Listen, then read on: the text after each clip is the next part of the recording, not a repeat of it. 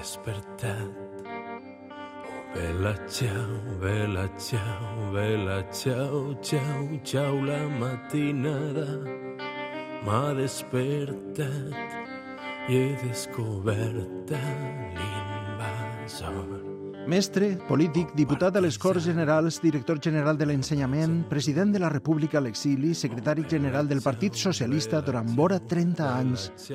Què podem dir de Rodolfo Llopis? És una figura capdalt dins de la societat i la política dels anys 30 a Espanya un renovador en el camp de l'educació i un home entregat als seus valors. També una figura tan desconeguda com amagada pels seus i un valencià amb una trajectòria que cal redescobrir. En els últims anys, diversos escrits, la seva biografia i un documental, a més d'algun homenatge aïllat, recuperen el nom d'este callosí, nascut el 27 de febrer de 1895. Soc Carlos López Olano i de tot això i alguna cosa més xerrem en este capítol 10 de la sèrie, que es diu Rodolfo Llopis, una vida entre la pedagogia i la política. Això que estan escoltant és El Mur, els noms de la memòria, un serial radiofònic fet en col·laboració entre la Universitat de València i Apunt Mèdia. Fem periodisme, el de sempre, en format podcast, però també molt més. Si accedixen pel web, diversos recursos construeixen un relat multimèdia que complementa el del sol lineal, amb la mirada posada sempre en la innovació de les formes de contar.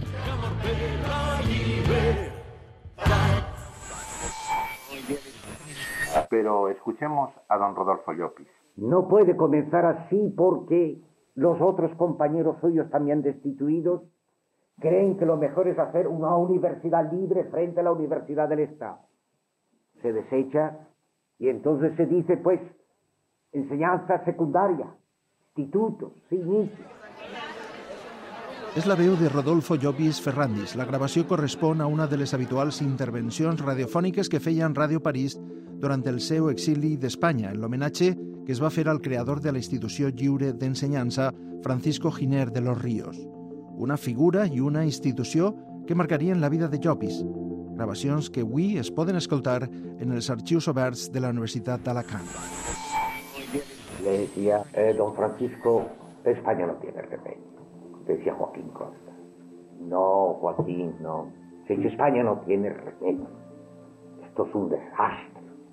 No hay manera de mejorar, ni de rectificar, ni arreglar España. España necesita, decía Joaquín Costa, un hombre, un cirujano de un dictador que diríamos ahora.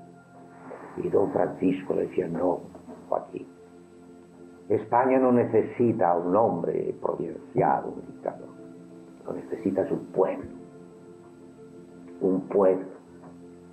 Y hay que hacer ese pueblo, y ese pueblo hay que hacerlo en la escuela.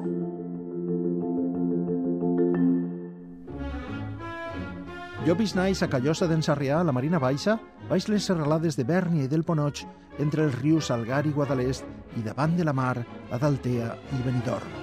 Era el tercer dels fills de Filomena i Manuel, sergent de la Guàrdia Civil i caporal del destacament que hi havia al poble.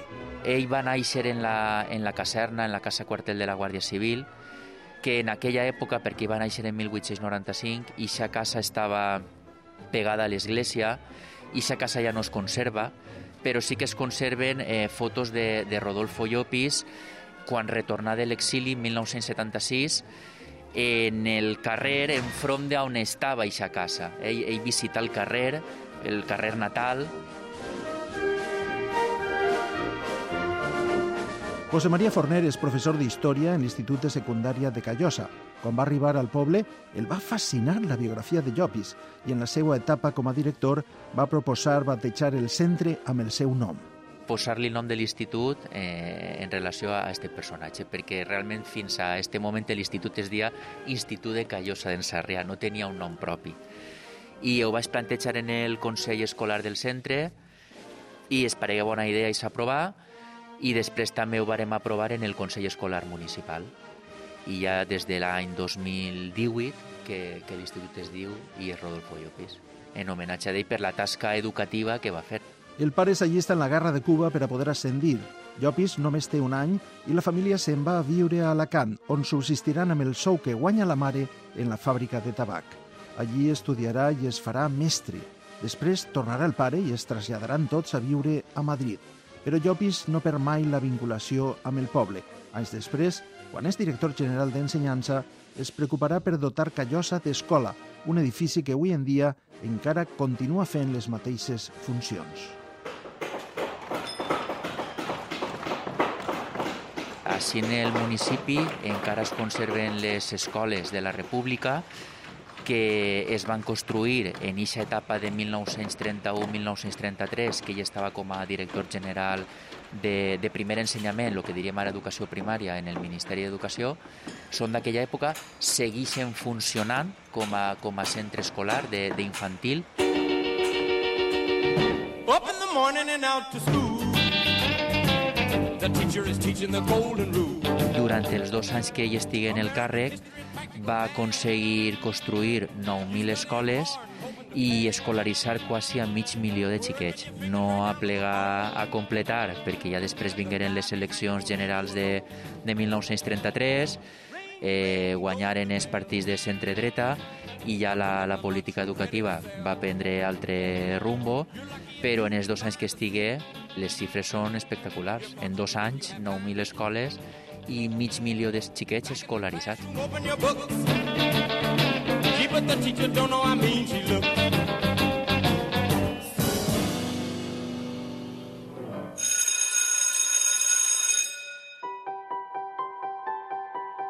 Eixa vinculació de Llopis amb la seva terra també la descriu el seu fill Rodolfo Llopis Boyer, que va morir al novembre de 2020 en unes declaracions que recuperem del documental La conducta del mestre. Fito conta com es transformava la cara del pare quan rebien algun paquet de familiars o amics des de la seva terreta. De Valencia o de, o de Alicante, con puros, con turrón, con hueva, con mojama, Cuando llegaba el paquete, creo que había un olor particular de otra parte que no era Francia, que era su tierra, su tierra. Y lo cogía bajo el brazo diciéndonos, eh, chicos, eso hay que administrarlo. Y lo administro yo. Y de, tan, de, vez en cuando un trocito de turón, un pedacito de mojama, y, y lo administraba él. Y en los congresos, cuando venían delegados del interior, en los congresos en Toulouse, de Valencia, hay que ver, los acaparaba, los acaparaba para hablar valenciano con ellos. Efectivament, nosaltres vam tindre la de conèixer, eh, de conèixer Rodolfo Llopis Boyer, Fito, que com li diem nosaltres, evidentment la figura del fill va ser molt important per poder treure a la llum gravacions de, del mateix Rodolfo Llopis, gravacions d'àudio en, en cinta oberta, que vam recuperar. La República no vino por un, una veleidad electoral. Eso de que se agostó España monárquica y despertó republicana como podía haberse acostado republicana y levantarse monárquica, no es verdad. El 12 de abril de 1931, que es el día de las elecciones, es un acto que conscientemente realiza el pueblo español. Es el producto no de una veleidad, sino de la convergencia de dos corrientes que han puesto en vilo al pueblo espanyol. Una corriente... Gràcies un poc al nostre treball de recerca tot aquest material ara es conserva en la Fundació Largo Caballero, on hi ha hores i hores de discursos, de parlaments, de classes de, de Rodolfo Llopis. Por un proceso de maduración política y de conciencia cívica, la República. Y yo tuve lo... Francesc Picó és el co-guionista i director del documental Rodolfo Llopis La conducta del mestre, una producció valenciana que compta amb la participació d'Apunt Mèdia. Professional del sector audiovisual durant molts anys i historiador de formació, Picó perseguia des de fa temps divulgar la figura de Llopis i la seva tasca en format audiovisual. La figura de Llopis jo crec que és eh, tan poc coneguda com poc reconeguda. Estem parlant d'un home que ja era un pedagog de prestigi abans de la República i que en la República, com a director general d'ensenyament primari, va ser el gran reformador, va ser l'artífex de la reforma més gran educativa que s'ha fet mai en Espanya i que fins i tot va servir de model en les reformes educatives d'altres països europeus, com per exemple la, en la França de, de la postguerra. Antes de hablar de la, de toda la parte del exilio, es decir, los 36 años ¿eh? del exilio, yo creo que hay que recordar que, antes que nada, Llopis fue un gran profesional de la pedagogía. Antes de hablar de, de socialista, él lo dijo, primero había que hacerse como hombre, como profesional. Y Rolfo Llopis, al año a, los 15 años ya, es maestro de escuela primaria en Alicante y la suerte que va a tener es que sus padres lo trasladan a Madrid y él también, claro, sube a Madrid con sus padres y revalida su título de maestro en la Escuela Normal de Madrid. Bruno Vargas és historiador i professor de la Universitat de Tolosa a França. Les seues investigacions se centren sobre el socialisme en la Segona República, l'exili i la transició.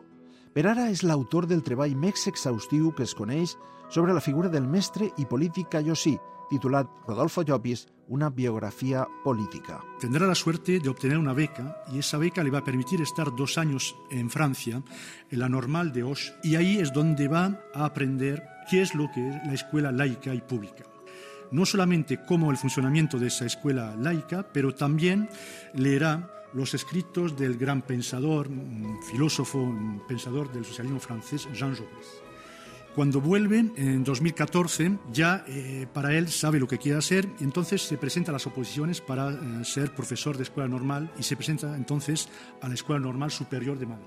Saca el número uno y al cabo de cuatro años eh, sale con la plaza en Cuenca de profesor de geografía.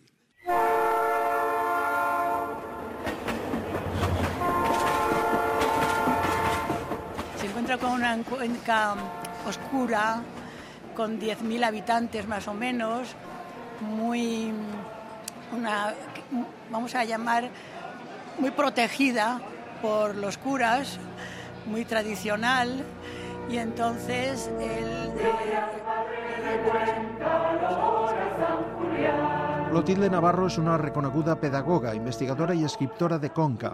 Ha publicat, entre altres títols, la història de l'Escola de Magisteri en Cuenca, d'on ha sigut professora titular durant molts anys i on també ha investigat el pas de Llopis per esta institució. Nada, se encontró con una escuela normal pues muy retrógrada y él quiso, eh, eh, al ocupar la cátedra de geografía, quiso innovar, renovar y tenía una, claro, él venía formado por las ideas de la escuela nueva y de la institución libre de enseñanza.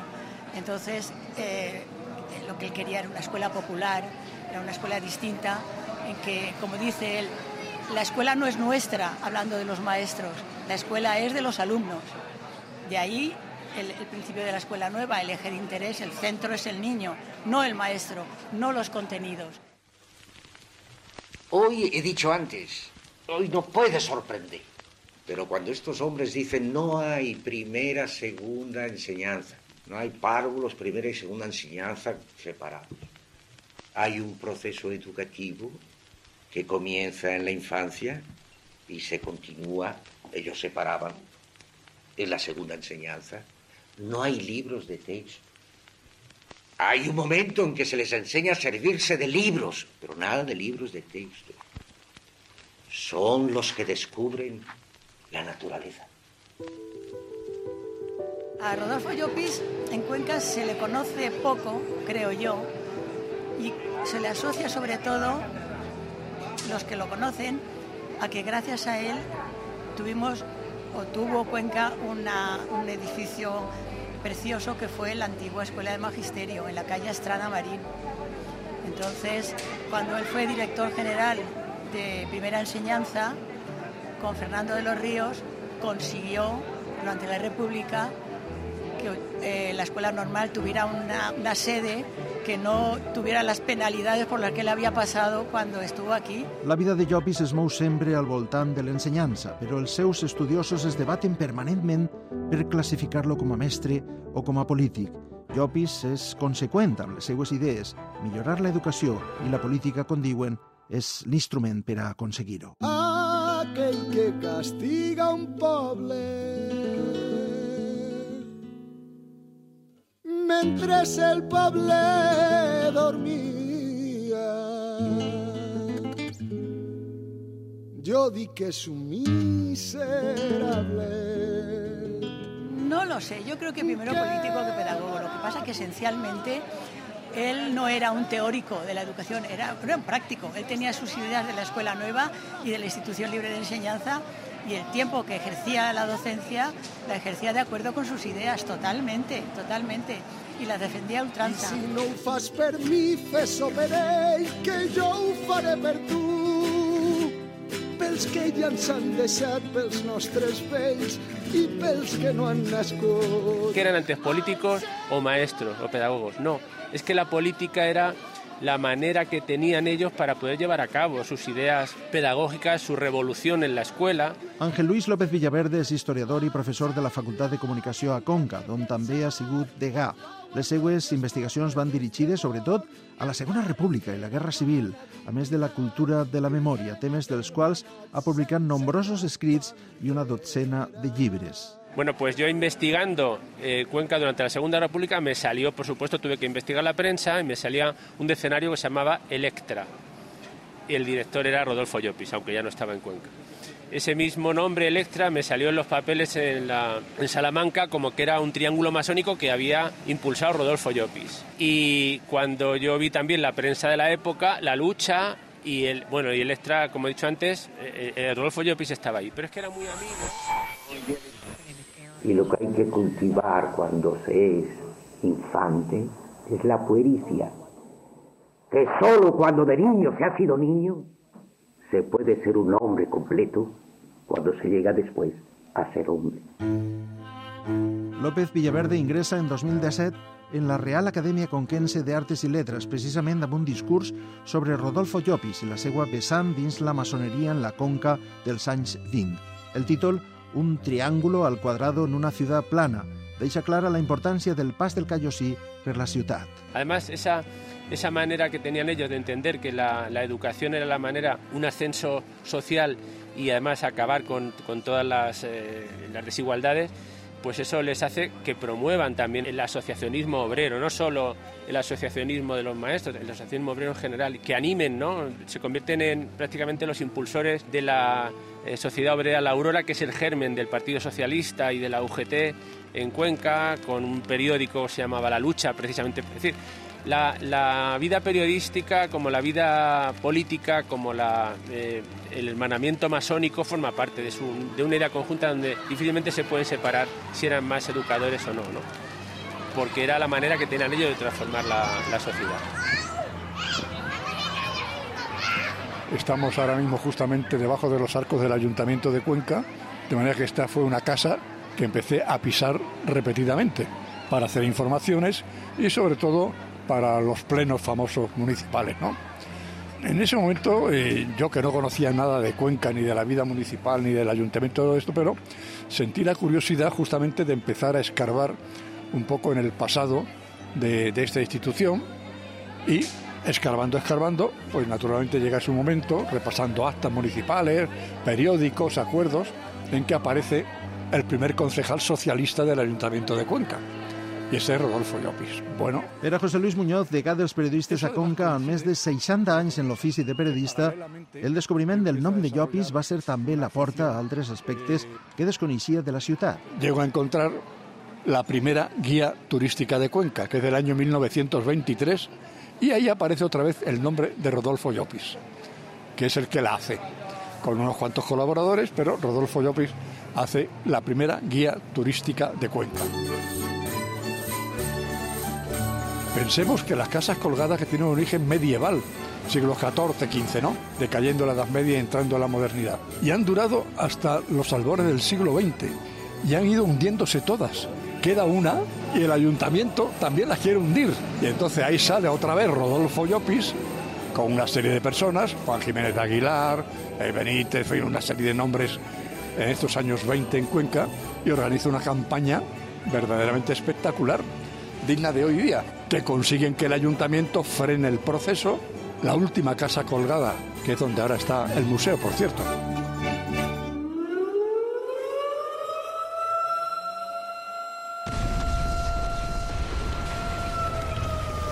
Llopis mai va voler abandonar Europa, va tindre possibilitat de, de fugir a Amèrica, però ell sempre va voler estar prop d'Espanya.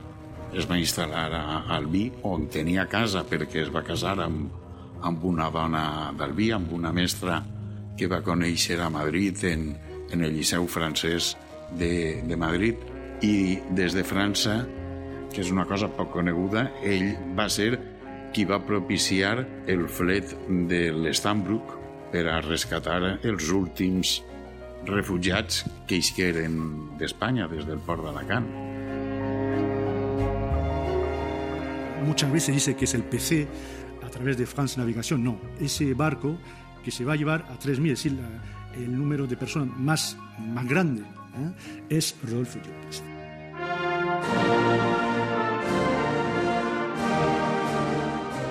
quiso quedarse cerca de la frontera española, con dos metas. Estar cerca de España y la otra razón es que quería preparar y tener en orden de marcha un partido socialista obrero español en el caso que se instalaría una democracia en, eh, en España. Rodolfo Llopis i Ferrandis, aquell xiquet nascut a Callosa d'en Sarrià l'hivern de 1895, serà, per uns mesos, president del Consell de la República en l'exili l'any 1947 i conservarà la tasca de salvaguardar i unir el socialisme espanyol durant tres dècades. També la UGT, de la qual va ser president durant 15 anys. En la historia del socialismo español tendrá que figurar como el dirigente que permitió al PSOE y al UGT salvar la gran noche de la dictadura franquista. Y esto en unas circunstancias hasta entonces desconocidas por los militantes socialistas españoles.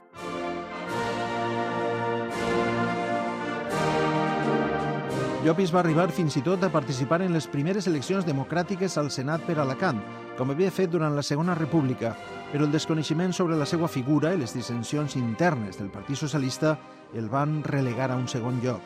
El mestre i polític Callosí, director general, ministre i president, tornaria a França, on va morir el 22 de juliol de 1983, als 88 anys d'edat.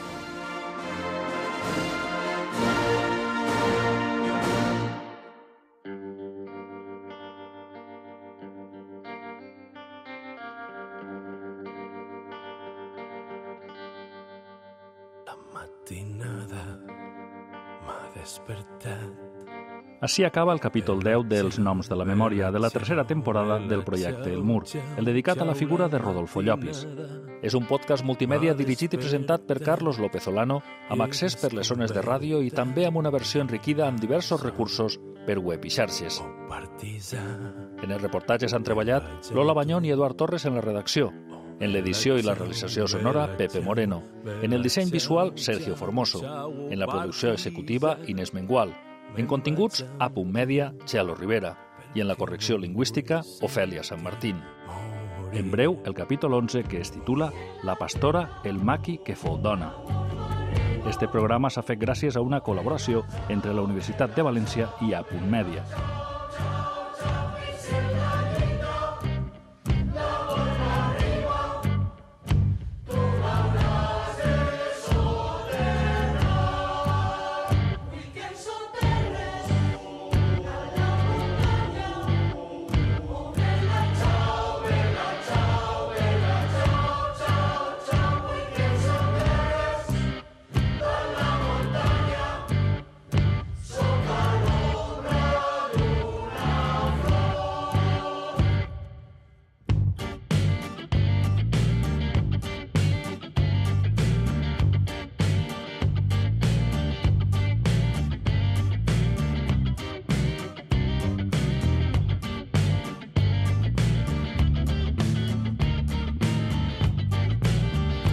que hi la meua rosa. Oh, vela, ciao, vela, ciao, vela, ciao, ciao, ciao, ja que hi la meua rosa. Dirà quina bella flor. Eixa la rosa, camarada. Oh, vela, ciao, vela, ciao,